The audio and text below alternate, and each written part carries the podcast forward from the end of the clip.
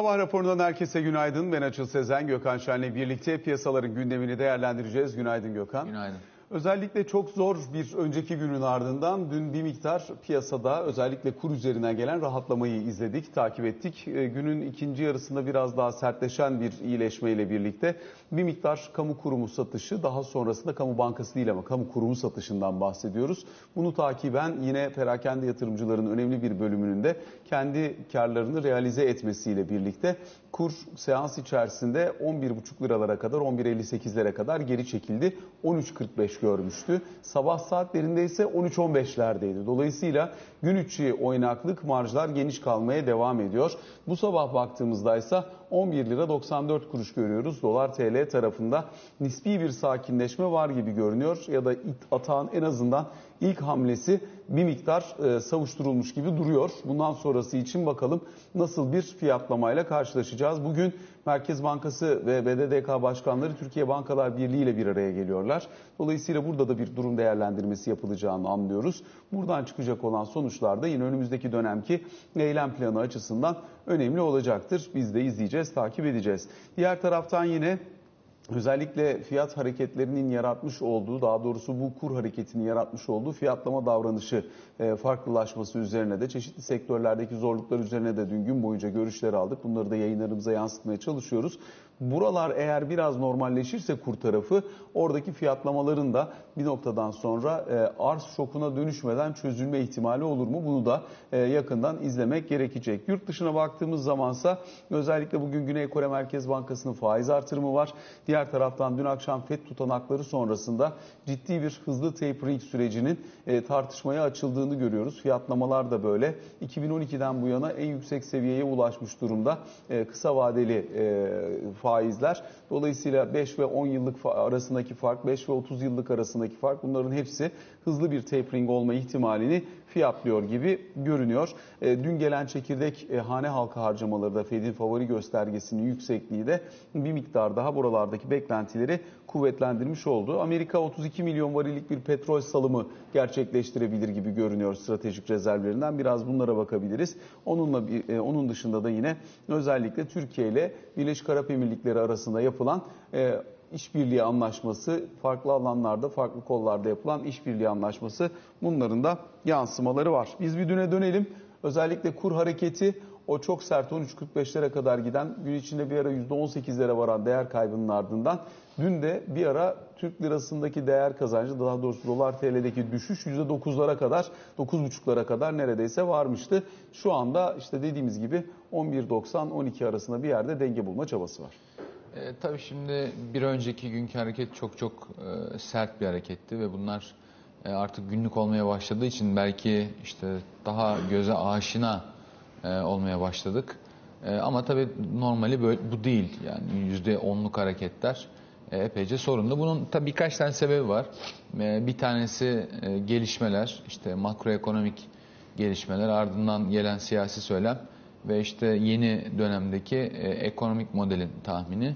E, bazıları tabii teknik e, problemler, teknik problemlerden kastımız piyasa katılımının e, düşük olması. Bu da insanların isteğinle falan alakalı değil de işte yabancı yatırımcının az kalması, yabancı yatırımcıdan kasıt tabii e, işte ismen e, yabancı olarak değil de daha ziyade kurumsal yatırımcı olarak düşünülmeli. Bunların çok gerilemiş olması ve Türk varlıklarında yabancı payının çok azalmış olması. Bunlar işte volatilitenin yükseldiği zamanlarda ya da ne bileyim işte TL varlıkların baskı altında kaldığı zamanlarda belki iyi gibi görünüyor. Çünkü yabancılar olmadığı için hareketin işte e, büyüklüğü fena yerlere varmıyor diye düşünüyordu.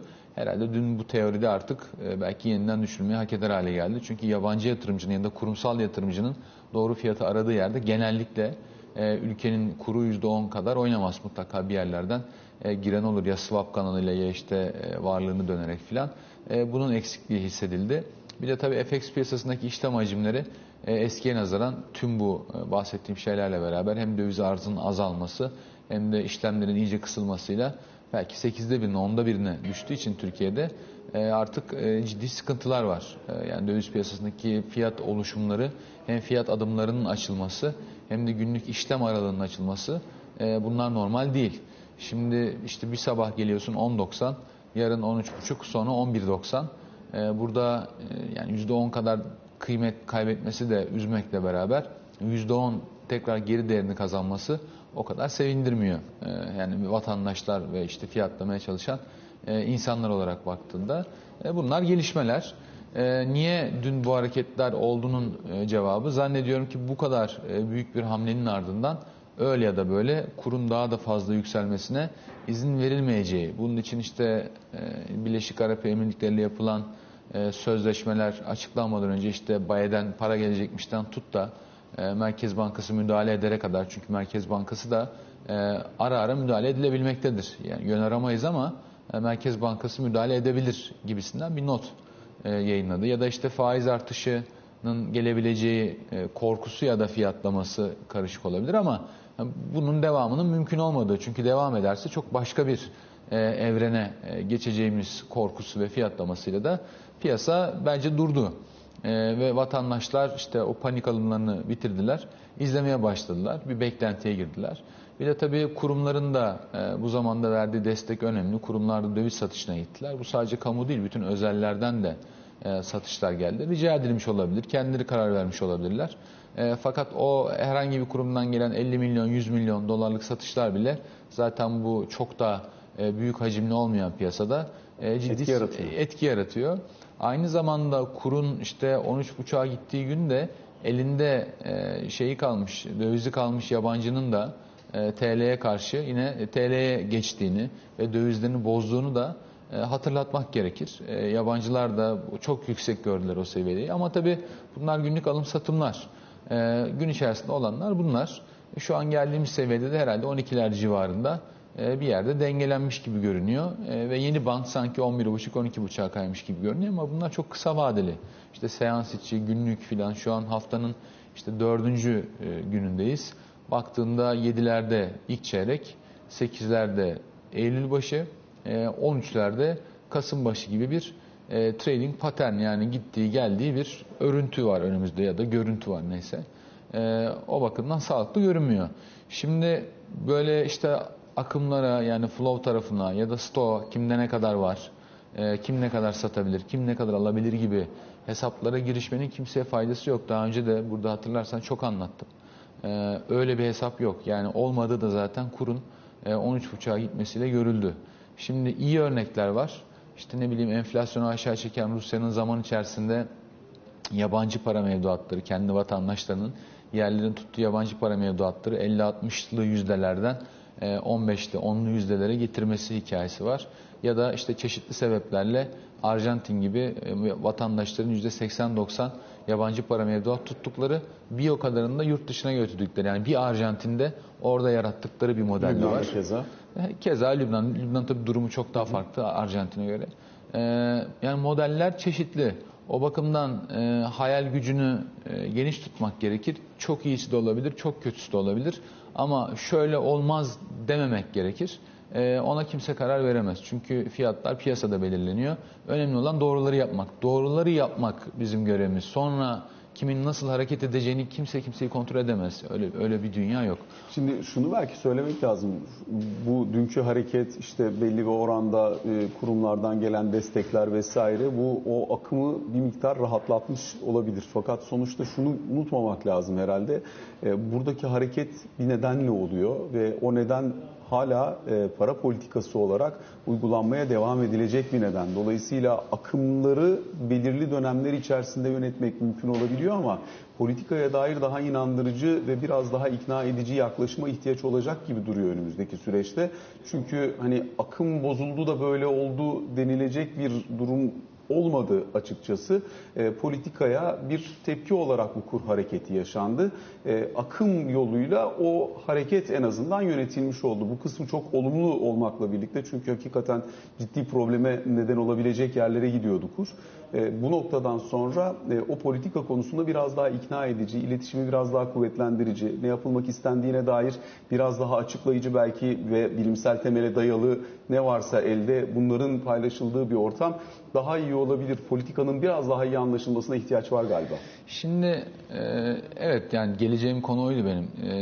Günlük işte sistemler, seans içi işlemler filan bunlar konuşulabilir. İşte sayılabilir. Kim ne verdi, kim ne aldı filan. Bunlar tabii günlük işler. Fakat orta ve uzun vadede e, paranın kıymetini belirleyecek şeyler farklı. Şimdi tabii herkes birbirine soruyor yani nasıl bir e, politika bileşimi uygulanacak, e, kimin fikirleri, kimi takip etsek daha iyi anlarız e, olanı biteni diye bilgi notları dolaşıyor gördüğüm kadarıyla vesaire. E, şimdi şunu konuşmak gerekiyor herhalde. E, bir paranın değerini, yani mesela Türk lirasından bahsedersek kendi ülkemizden, dolayısıyla in, şeyleri, ya pariteyi, bir kura karşı değerini ne belirler? E, burada modeller çok konuşula gelmiştir eskiden bu yana. İşte çok uzun uzadıya e, anlatmayacağım ama işte kimi çıpalı kur rejimleri için farklı modeller görüşülmüştür. Sonra işte e, açık ekonomiye geçişte farklı modeller, yüksek enflasyon döneminde, finansal kriz döneminde farklı modeller, devamlı model üretilmiştir. Burada isimler, modeller, ekoller sayılabilir. Belki 8-10 tane e, başat şu ana kadar e, kurların değerini belirlemekte kullanılan model e, ola gelmiştir. Fakat bugün benim bildiğim kadarıyla yani modern finans herhangi bir model üstünden gitmektense çeşitli modelleri bir arada kullanarak bir tahmin yürütmeye çalışır. O yüzden de Türkiye'de kurun değeri ne olacak konusunda işte ben şu kamptan geliyorum, ben Keynesyenim, ben şucuyum, bucuyum e, bunlar işe yaramazlar.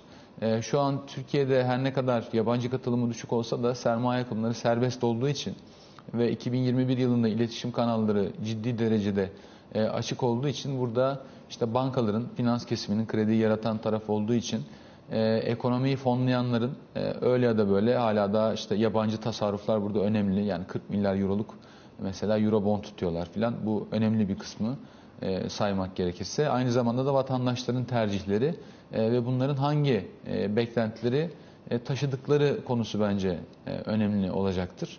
E, çok uzağa gitmeye gerek yok. Mesela işte 3 ay 4 ay içerisinde sıkıntılar geçer e, gibi düşünülüyor. Oysa ki enflasyon cephesinden ben baktığımda e, sıkıntıların yeni başladığını düşünüyorum. Yani yeniden başladığını düşünüyorum. Çünkü ilk çeyrekte çok çok çok kaba bir hesapla e, tüfenin 30-35'ler civarına gideceği anlaşılıyor. Şimdi bu seviyeler e, bir de enflasyon rejimleri 3'ten 5'e gitmek, 5'ten 8'e gitmekle işte bir ara çift taneye gidip oradan sekmek ve geri gelmek arasında bir fark var. 20'li seviyelere test etmekle işte çift tanelerin başında olup gidip sekmek arasında başka bir rejim farkı var enflasyon bakımından. Bir de 30 ve işte beklentilerin devamlı kuvvetli orta, kuvvetlendiği ortamda cevap vermekle ilgili başka bir fark var. Şimdi özellikle kurun e, ne olacağı konusunda daha ziyade mesela bizdeki yaklaşımı tam bilmiyorum. Parçaları birleştirerek anlamaya çalışıyorum ama cari denge modeli üstünden düşünülüyor. Yani Türkiye'nin cari dengesi kapatılabilirse e, kurun da aşağı geleceği düşünülüyor. Dediğim gibi tarihte çok da uzun değil tabii kapitalizmin tarihi ve özellikle bu modern finansın tarihi. Yani geride kalan 50-60 sene içerisinde e, cari dengeyle kur tahmini yapma modellerinin çalıştığı zamanlar olmuş doğru. E, fakat bugün biz genellikle bunu kullanmıyoruz. Türkiye'nin de belki e, yaklaşık 10 yıldır 2010'lu yıllardan bu yana çok ciddi cari açı iyice artık gözle görülür oranda vermeye başladığı yıllardan bu yana genellikle kurum belirleyicisi 1-2 çeyrek legli yani arkadan takip eder şekilde ben de cari denge olduğu kanaatindeyim açıkçası. E, çok da benim de kullandığım baktığım bir iş. Fakat dediğim gibi modeller özellikle küresel finansal krizden sonra ki şu ana kadar bizim e, modeli yazanların da anladığım kadarıyla yani şey dağıldı. E, ana akım dağıldı. Dolayısıyla başka yerlere bakmak lazım yönünde fikirleri var. Doğrudur. E, fakat ana akım ve modeller dağılmış olsa da modeller arasında bir geçişkenlik, bazı modellerin bazı parçalarının da bir araya getirilmesi gerekliliği ortadan kalkmamıştır. Yani gerçek hakikat ve beklentiler kanalı dağılmamıştır. Çünkü insanlar gitmediler dünyadan, hala daha buradalar. O bakımdan yani bir, bir, bir beklenti, bir rasyonelite olması gerekir ve orada kararı verecek olanlar da o beklentiyi taşıyacak olanlardır herhangi bir model öne sürerek insanlar yani onun peşinden gitmezler. Ekonomi böyle çalışmıyor. O bakımdan da Türkiye'nin cari dengesinin kapandığı, enflasyonun 35 olduğu fakat kurun da 15 olduğu bir şey görebiliriz. Yani bu olmaz denemez. Kurun 13,5'a gitmesi zaten bunun bir günde olabileceğini gösteriyor. O yüzden demiştim herhangi bir hedef, herhangi bir model varsa bunun başarı kriterleri de olmalı. Arada enflasyon mesela 70'e giderse yine de cari dengeyi kapatmak üretimi artıracaktır denemez. O bakımdan da e, başka bir şey düşünmek gerekiyor ve e, şu anki kurun bir günlük e, ön gösterimi e, bize bunu anlatıyor. O yüzden bundan sonra kur ne olurun cevabı bence bana kalırsa e, doğrudan enflasyon beklentileriyle alakalı. Şimdi kendimizi çok değil 3 ay ileri atalım. Mesela Şubat-Mart ayına gelelim. İşte asgari ücret diyelim ki 30-40 puan zam gelmiş. Yani nasıl bu fiyatlar kalıcı şekilde yükselir? Şimdi dünya için konuşurken demiyor muyuz? Niye geçici olduğuna inanılıyor? Çünkü sendikalar çok zayıfladı. Maaş pazarlıklarında elleri çok güçlü değil. Asgari ücrete gelecek zamlar ve işte fiyatlar genel düzeyine, emek piyasasına gelecek zamlar e, bir şekilde sarmala dönüştürmez. Amerika'da ne bileyim Avrupa'da şeyi enflasyon görünümünü ya da şu an enerji fiyatlarında veya diğer mallarda çünkü sepetin bir bölümünde önemli artış var. Genele yaygınlığı tartışma konusu. Burada meydana gelen artışlar öyle ya da böyle önümüzdeki sene ekonominin kalan taraflarına ikinci, üçüncü etkileri e, sıçramayacağı için maliyet enflasyonu sarmalı dönüşmez. Çünkü enflasyonun kalıcı e, kurumsal hale gelmesinin bu anlamda iki tane yolu var. E, fakat bu tarafa baktığında hem maaşlarda çok ciddi artışlar var hem işte yansıtılmadığı haliyle bile enerji kalemlerinin ve diğer kalemlerinin diğer mallara geçişi var. Difüzyon çok kuvvetli. Yani mallar arasındaki yaygınlık fiyatı artan malların artmayanlara göre e, baskınlığı çok kuvvetli. Artık ona herhalde bakmaya gerek kalmadı yani. E, kalmadı. E, maaşlarda ciddi artış geliyor. Hangi kanıtı arıyorsan ara bu var. Dolayısıyla ilk çeyreğe geldiğinde maaşlar ciddi artmış, enerji maliyetleri daha da gelecek zamlar. Şimdi dün burada konuşurken tesadüfen 1 lira dedik, 1 lira zam geldi, daha da gelecektir. Çünkü Türkiye'de yani benzinin ortalama fiyatı son yıllara git 10 yıl, 20 yıl 1,5-2,5 dolar. Ortalaması en aşağısını bandın dibine alsam 1,5 dolar şu anki fiyatta zaten 18 lira benzin fiyatı yapar Türkiye'de. Elektrik, gaz hakeza böyle. Yani bunları atlamamak lazım. O bakımdan da ilk çeyreğe geldiğinde 30-35 enflasyon, bozulmuş beklentiler, X kur, telaffuz etmeyeyim hadi, ee, o zaman işte cari denge kimse bakmayacaktır. O, o başka bir hayat. Bambaşka bir hayat. Evet cari denge dövizin gerekliliğini, arzını, talebini belirleyen ve yabancıların, yerlilerin, kurumsal yatırımcının bakıp da kendine kerteriz aldığı bir yerdir. Fakat enflasyon endişeleri baskın hale gelirse başka bir dinamik işlemeye başlar. Ya mesela dün e, akaryakıta gelebilecek olan zamdan bahsediliyor ki 1 lira civarında bir zamdan bahsediliyor litre başına. Bu 60 litrelik bir depoda kabaca 60 lira fark edecek görünür. Dolayısıyla dün Hani İstanbul'daki hangi akaryakıt istasyonuna baksam biz burayı gördüğümüz için burayı biliyoruz. Başka şehirlerde durum nedir bilmiyorum ama benzin istasyonlarında herkes gidip benzin almaya çalışıyor. Yani bir depoda 60 lira fark edecek diye. Yarın zaten ondan dolduracaksın. Yani yeni fiyattan dolduracaksın. Dolayısıyla hani fiyatlama davranışı bozulması veya enflasyon duyarlılığının ne kadar baskın hale geldiğini böyle anlayabiliriz. Şimdi otomobili olan ve gidip e, erken benzin almaya çalışan nispeten otomobil sahibi olduğu için bir parça daha yüksek gelir grubu. Dolayısıyla buralarda dahi e, bu kadar duyarlılık ön plana çıktıysa önümüzdeki dönemde o enflasyon beklentilerini yönetmenin ne kadar önemli olduğunu gözden kaçırmamak lazım. E, önemli tabii. Yani e, benim burada işlediğim ana konu kurun fiyatı ne olur? Yani bu paritenin fiyatı ne olur? E, burada cari dengenin belirleyici rolü e, çok minimuma inmiş durumda. Anlatmaya çalıştığım şey bu.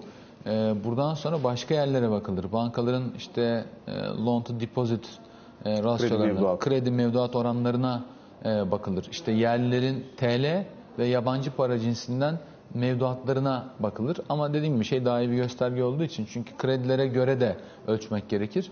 E, bundan sonra bunlar izlenir. Yani işte sisteme olan güven vesaire çok şükür gayet iyi ilerliyor. Hiçbir sıkıntı yok. E, ama dediğim gibi şimdi vatandaşlar ve bankalar e, o karar verecekler. Bankalardan kastım da finans kurumları olması. Reel sektörün daha ayrı bir dünyası var. O birazcık daha önce fiyatlama yapılıyor. Sonra bakıyor finansman tarafında. Fakat tabii genellikle bu sohbet finansman tarafı üstünden yürüyor. Fakat bir işletme sadece finansman modeli üzerinden dönmüyor. İşletmenin başkaca izlediği şeyler de var. Yani reel sektörde işte işin maliyet tarafı var. Bir de satışları var. Satış fiyatı, e, satılan malın maliyeti başka bir konu. O zaten apayrı bir tartışma. Malın edinimine, saklanmasına ve finansmanına geldiğinde 3-4 tane ayrı e, madde var. Malın edinilmesi bir konu. Zaten dünyada pandemi olduğu için çok çok çok ciddi sıkıntılar var. Örneğin tarım sektöründe işte e, verimliliği artırmak için gübre e, ürünü korumak için diyelim ki bir tane zehir kullanıyorsunuz. Zehirin fiyatı zaten 3 katına 4 katına çıkmış. E, ikiye katlamış kurla çarptığında 8 kat yapıyor. Bunu kullanmak gübre gibi keyfi değil. Yani gübrenin de keyfi olmadığının, verimliliği arttırdığının farkındayım ama gübre artmazsan verimliliğin düşük kalır. Fakat zehri atmazsan bütün ürününe kıran girebilir. Fakat bu zehri atmak da bu fiyatlarla epeyce zor. Anlatabiliyor muyum? Yani bunlar çok sektörel olarak genişletilebilir. Yani pandeminin getirdiği zaten o şişe ağzı formasyonları var. Bir malın tedarikinde vesaire filan ciddi sıkıntılar var. E, o bakımdan stok elde etmek, stok tutmak, satış kararı vermek bile e, şu haliyle çok güç. Çok güç. E, belki başka günlerde daha uzun uzadıya sektör sektör de konuşabiliriz. Yani giyim, tekstilde konuşabiliriz. E, işte hizmette konuşabiliriz. Sanayinin makine tarafını ve bir sürü tarafını konuşabiliriz. Yani tek konu finansman değil. E, o bakımdan da e, oralarda da bir sürü kararlar alınır ama şimdi mesela bugün bankacılarla e, buluşulacak. Büyük ihtimalle şeyi soracaklar. Hmm, Nasıl bir şeye dayanıyor? Şimdi o masanın etrafında bugün 10 büyük banka mı var? Evet. E, ben 10 büyük bankayı da Yanında tanıyorum. diğer bankalar var. Diğerinde kalan diğer bankalar var. Ben hemen hemen hepsini tanıdığımı düşünüyorum e, banka genel müdürlerinin. E, hepsi büyük ihtimalle aynı soruları soracaktır. Ya biz hani elimizden gelen desteği veririz ama e, burada tam olarak ne oluyor? Çünkü bankacı olarak ben düşündüğümde nasıl bir 2022 hayal ediyordum? İşte Türkiye'de e, faizler belli bir seviyeye gelmiş. Kurda belli bir yere gitmiş ama işte enflasyon 6. aydan sonra herhalde düşer. Bundan bir ay, iki ay önceki sohbetten bahsediyorum. Ve dolayısıyla ben de zaten bu sene birazcık marjları toparlamıştım. E, kamu özel ayrımı da e, artık kalkmıştı. Birazcık bana alan da açılmıştı. E, ekonomi 10 büyüdü. E, şimdi daha dörtlere doğru gidiyor. Daha makul bir yere gidiyor. O yüzden ben de segmentasyonumu yaparım. Zaten birçok özel banka e, bu zorlu zamanların da geçtiğini görünce kar baskısıyla e, epeyce iştahlıydı benim bildiğim kadarıyla. Yani bütün şubelere filan şeyler yollandı öyle ya da böyle fiyat yapmak istiyorlardı. Şimdi o günle ki çok az bir zaman geçti. Bugün arasında müthiş değişiklikler var. E, yani bankaların 2022 guidance'ları, rehberlikleriyle bir ay önceki şimdi bir ay sonra verecekleri arasında e, çok büyük bir yarılma olacak. Şimdi anlatacaklardır bankacılar ki zaten Şahap Bey de bankacı. Yani aslında bankacı bankacı konuşacaklar. E, Şahap Bey de bankacı, eski bankacı yani. Şimdi çok iyi anlayacaklar birbirlerini. Ben şimdi mevduatı evet buradan topluyorum. E, çok ucuzdan veriliyor. Fakat bir mevduatlar aynı seviyede kalacak mı? Ondan emin değiliz. E, ne kadarı dolarize olacak, ne kadarı altına geçecek, ne kadarı yastık altına geçecek e, ona bakmak gerekir. Ne kadarı başka yere gidecek, yani borsadan falan bahsediyorum. E, ve ben kredi fiyatladığım zaman neye göre fiyatlayacağım? Şimdi enflasyonu siz kaç düşünüyorsunuz diyecekler. Enflasyonu Merkez Bankası 2021 yılının başlarında 2021 yıl sonu için 9 görüyordu. 9 görüyordu. Şimdiden 2022 yılını bilmek çok çok güç ama hasar kontrolünün yapıldığını ve bu kadar hasarda atlattığımızı varsayarsak söylüyorum. Gelecek yıl 23-25'e yakın bir yıl sonu enflasyonu gibi ben şu an düşünüyorum. Ee, bu çok majör bir fark. Merkezin düşündüğünün yaklaşık 3 katına tekabül eder. O gün düşündüğüyle bugün düşündüğü arasında. Yani OVP üzerinden falan bakabilirsiniz zaten beklenti farkı. Bir de ben tabii ben teorik konuşmaya çalıştığım için kafada şeyi kestim. Şimdi enflasyon beklentileri yukarı gidiyor. Mesela iktisadi yönelim anketi geldi. 3 ay sonraki maliyetinizi nasıl görüyorsunuz? Reel sektörü soruyorlar. E, satış faali nasıl görüyorsunuz? 60-70 enflasyon cevapları var. 60-70. E, bu, bu kolay bir şey değil. O bakımdan da e, o toplantının sonucu umarım e, verimli olur. E, ben yani Merkez Bankası'nın da e, düşündüğünün kurların ve finansal koşulların farklı bir yere gittiğini e, bir noktada yani içten içe oranın da e, başka bir şey yapmaya çalışacağını ya da isteyeceğini düşünüyorum. Yapması gerektiğini de düşünüyorum. Dediğim gibi yani bu kurun seviyesinin belirlenmesi o modellerle falan olmuyor. Yani. Şimdi burada bir de şu var. Elbette hani Türkiye'de şirketlerin ellerinde belli bir döviz mevduatı var. Dolayısıyla bir şirketlerin bilançoları üzerinde ne kadar etki yaratabilir bu kur hareketi, bankalar bundan nasıl etkilenebilir? Burada hem sermaye maliyeti hem risk maliyeti nereye gelecek gibi soru işaretleri de var. Muhtemelen bunlar da konuşulacaktır bugün.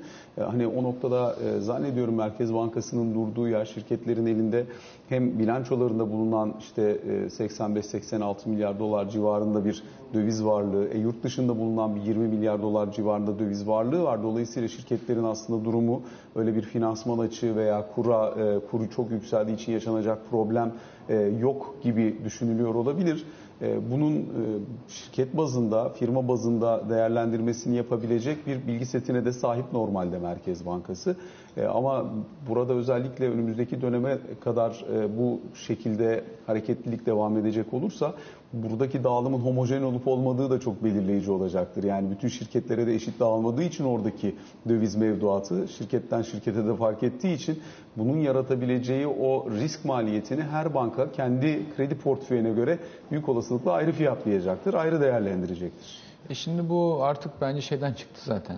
Ee, şirkettir, kurumdur filan bu artık vatandaşlarla e, ilgili bir konu. Vatandaşlar şimdi enflasyonist ortamı anlamaya çalışıyorlar. Dediğim gibi önümüzdeki 3 ayda e, daha da iyi anlayacaklar. İşte mecburi zamlar gelince yani herkes bir şekilde kendini korumaya çalışacak. O zaman e, yani bu konu 3 aya yayılmış bir konu haline gelecek. O zaman konuşmak lazım ama 3 ay sonra Aa, enflasyon 35 oldu şimdi ne yapsak acaba e, diye düşünülmez tabii. Çünkü dediğim gibi 3 ay kendimizi ileri sararsak Aralıkta da faiz indirimi değerlendirilecekti Merkez Bankası. Ne yaparlar bilmiyorum. 14 olsun 15 olsun bir anlamı kalmadı zaten. Çünkü enflasyon 35'e gidiyor. Yani ilk çeyreğe geldiğimizde bir noktada 20 puan negatif reel faiz görmüş olacağız. Negatif reel faiz 20 puan.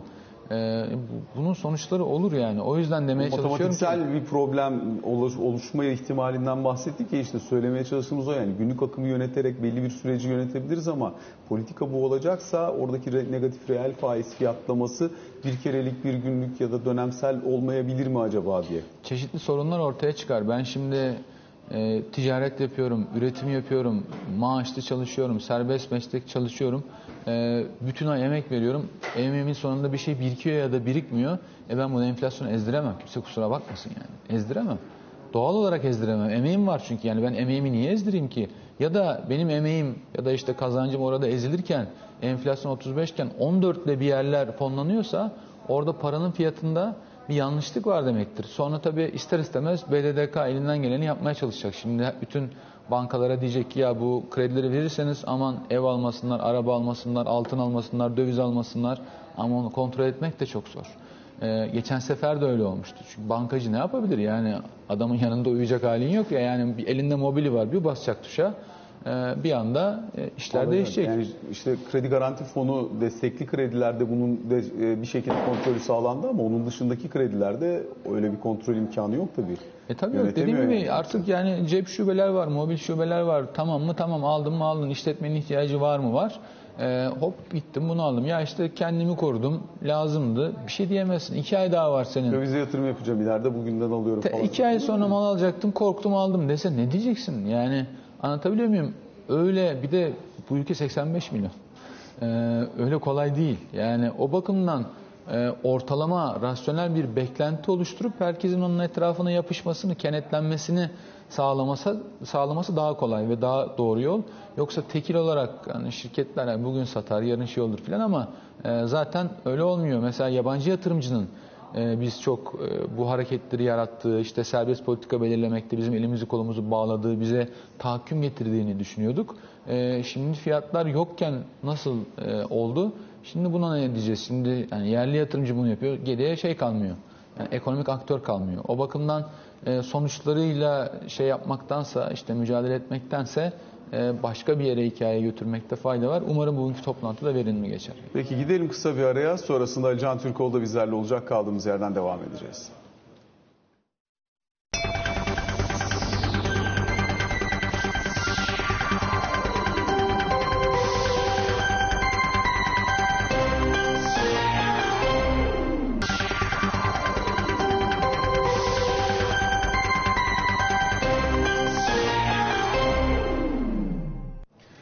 Sabah raporunun ikinci bölümüyle karşınızdayız. Ali Can Türkoğlu da bizlerle birlikte. Ali Can günaydın. Günaydın. Özellikle Birleşik Arap Emirlikleri ile yapılan anlaşmalar e, yaklaşık 10 milyar dolarlık bir fon e, ile Türkiye'de çeşitli varlıklara yatırım yapabileceği söyleniyor. Yaklaşık olarak da herhalde bir 7-8 aydan bu yana bu konuyla ilgili yapılabilecek yatırımlarla ilgili fizibilite çalışmasının yapıldığını, belli başlı alanlar derken de işte enerjiden sağlık hizmetlerine kadar birçok sektöre e, yatırım yapma potansiyeli bulunduğunu anlıyoruz. Bir de tabii merkez bankaları arasında bir mutabakat zaptı var ama bunun swap'a evrilip evrilmeyeceği konusu henüz net değil. Şimdi 9 yıl sonra gerçekleştirilen yüz yüze bir görüşme yaklaşık bir senedir arka kapı diplomasisi devam ediyordu Birleşik Arap Emirlikleri ile. E, ancak e, somut bir adım atılmamıştı. İşte ta ki Ağustos ayında bir yüzde görüşmeler gerçekleştirildi. Telefon görüşmeleri oldu. Bu arada e, arka kapı, arka kapı diplomasisinden bahsederken yani özellikle istihbarat örgütleri arasındaki e, irtibattan bahsediyorum. Ve e, sonucunda da senin de az önce özetlediğin görüşme ve detayları gerçekleşti. Şimdi dünkü açıklamalara bakarsak Abu Dhabi Kalkınma Holdingi Başkanı'nın, yönetim kurulu başkanının açıklamaları var. Türkiye'ye yatırım yapmak üzere 10 milyar dolarlık bir fonun Birleşik Arap Emirlikleri tarafından ayrıldığı e, resmen açıklanmış durumda. Bunun dışında da 10 ayrı anlaşma imzalandı Türkiye ile Birleşik Arap Emirlikleri arasında. E, hepsini saymayayım ama e, Varlık Fonu'yla e, az önce bahsettiğim Kalkınma Holdingi arasında imzalanan bir mutabakat muhtırası var. E, yine e, Cumhurbaşkanlığı Yatırım Ofisi ile Kalkınma Holdingi arasında imzalanan anlaşma var. Merkez bankalar arasında imzalananlar var mutabakat muhtırası anlamında. E, borsanın imzaladığı var. Bu noktada e, önümüzdeki günlerde bu anlaşmaların yani mutabakat muhtıralarının ve e, ortaklık anla işbirliği ve ortaklık anlaşmalarının neler getirdiğini biraz daha net göreceğiz. Ama şunu net olarak söyleyebiliriz bir kere dünden bugüne.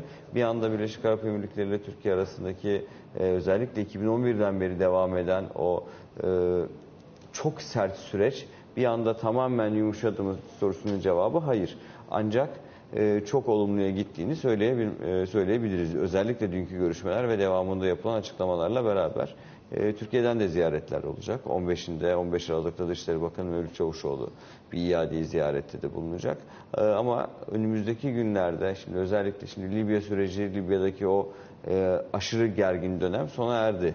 Ee, orada büyük bir gerginlik vardı. E, Mısır'da da Türkiye ile Mısır arasında adımlar da atıldı. Birleşik Arap Emirlikleri ile Türkiye arasında bu noktada da e, büyük bir karşıtlık vardı düşünce anlamında. Yine birçok konuda özellikle bölgesel bazı konularla ilgili olarak Türkiye ile Birleşik Arap Emirlikleri'nin şu an itibariyle yan yana olduğunu söyleyemeyiz. Ancak e, bu imzalanan anlaşmalarla beraber özellikle ekonomik işbirliği e, konusunun altında, başlığı altında e, birbirlerinden tamamen ayrı bir pozisyon sergilemeyecek iki ülke, Türkiye ve Birleşik Arap Emirlikleri. Ha senin sorduğun soru mesela işte swap'la ilgili olarak evet görüşmeler de gerçekleşti. Bir mutabakat muhtırası da var. Ama bugün itibariyle hemen atılan bir adım yok. E, yapılacak görüşmeler neticesinde uygun bir noktaya varılır ise iki ülkede e, enerji ve sağlık başta olmak üzere birçok sektörde beraber hareket edilebileceğine ilişkin e, iyi niyetlerini ve görüşlerini sözleşme akit altına almış durumdalar imzalarla beraber. Dolayısıyla bu noktadan sonra e, Dubai konusunda, Dubai ve Abu Dhabi konusunda, Birleşik Arap Emirlikleri konusunda Türkiye'den daha olumlu mesajlar gelecektir. Bölgesel işbirliği, bölgesel politikalar, özellikle Doğu Akdeniz, işte Mısır'la ilişkiler, e, Güney Kıbrıs Rum yönetimiyle yaşanan durum, Yunanistan'la ilişkiler ki Birleşik Arap Emirlikleri bu başlıklarda her zaman Türkiye'nin karşısındaki masada yer almıştı. E, hemen Türkiye'nin yanında yer alacak yorumunu yapmak e, biraz erken. Ancak dediğim gibi bu ekonomik başlıklarla atılan adımların ilerleyen dönemde siyasi olarak da e, Türkiye'nin ikili ilişkilerini ve bölgesel politikada politikalarda e, ortak arayışlarını biraz daha hızlandırabileceğini söyleyebilirim bugün de. Burada belki bir de yaşanan bu ekonomik dalgalanmanın ekonomi yönetimi üzerinde nasıl tartışıldığını, onların üzerinde nasıl etki yarattığını da bir parça tartışalım istersen. Hani grup toplantılarından çıkan mesajlar bu konuyla ilgiliydi. Ee, hükümet tarafında nasıl bir yankı uyandırıyor diye çok hızlıca sorayım ve 30 saniyede onu da bitireyim. Ya aslında şimdi işte bugün de siz az önce değindiniz. Bugün de toplantılar gerçekleştirilecek. Yani Ankara'da bürokrasinin ve siyasetin kendi içerisinde yapacağı toplantılar anlamında söylüyorum. Bir kere şurası çok net burada muhalefet kanadı, Cumhuriyet Halk Partisi, İyi Parti yani Cumhur İttifakı dışında kalan siyasi partilerin e, Millet İttifakı'na ve özellikle hükümete e, yöneltecekleri eleştirilerin e, ve sert sözlerin genelini ekonomi yönetimi kapsayacak bu noktadan sonra. Yani bugünden itibaren her ne kadar Birleşik Arap Emirlikleri ile yapılan anlaşmalar şu an itibariyle bir ferahlık sağlamış olsa bile Türkiye ile Birleşik Arap Emirlikleri arasındaki geçmiş sıkıntılar da dile getirilecek. Hatta hükümetin bir takım açıklamaları da ön plana getirilerek muhalefet partileri tarafından bu yöndeki eleştirilerin devam edeceğini söyleyebilirim. Ama siz e, işte sabahtan beri yayın içerisinde çok ayrıntılı bir şekilde şu anda yaşananları ve bundan sonra atılması muhtemel veya atılacak adımların neler olabileceğine ilişkin değerlendirmelerde bulundunuz. Ve benim dünden bugüne Ankara'dan edindiğim izlenim bugün yapılacak toplantılarla, işte bankalarla yapılacak toplantılar ve devamında bürokrasinin kendi içerisinde yapacağı toplantılar ve görüşmelerle özellikle Merkez Bankası tarafında e, yaşanan özellikle son bir haftadır yaşanan adımlarını çok sert bir şekilde gördüğümüz e, yaşananlarla ilgili olarak pozitif adımların atılması yönünde bir irade var. Peki teşekkür ediyoruz. Sabah raporunu böylelikle sonlandırmış oluyoruz. Dijital dönüşüm iş ortağınız Koç Sistem sundu.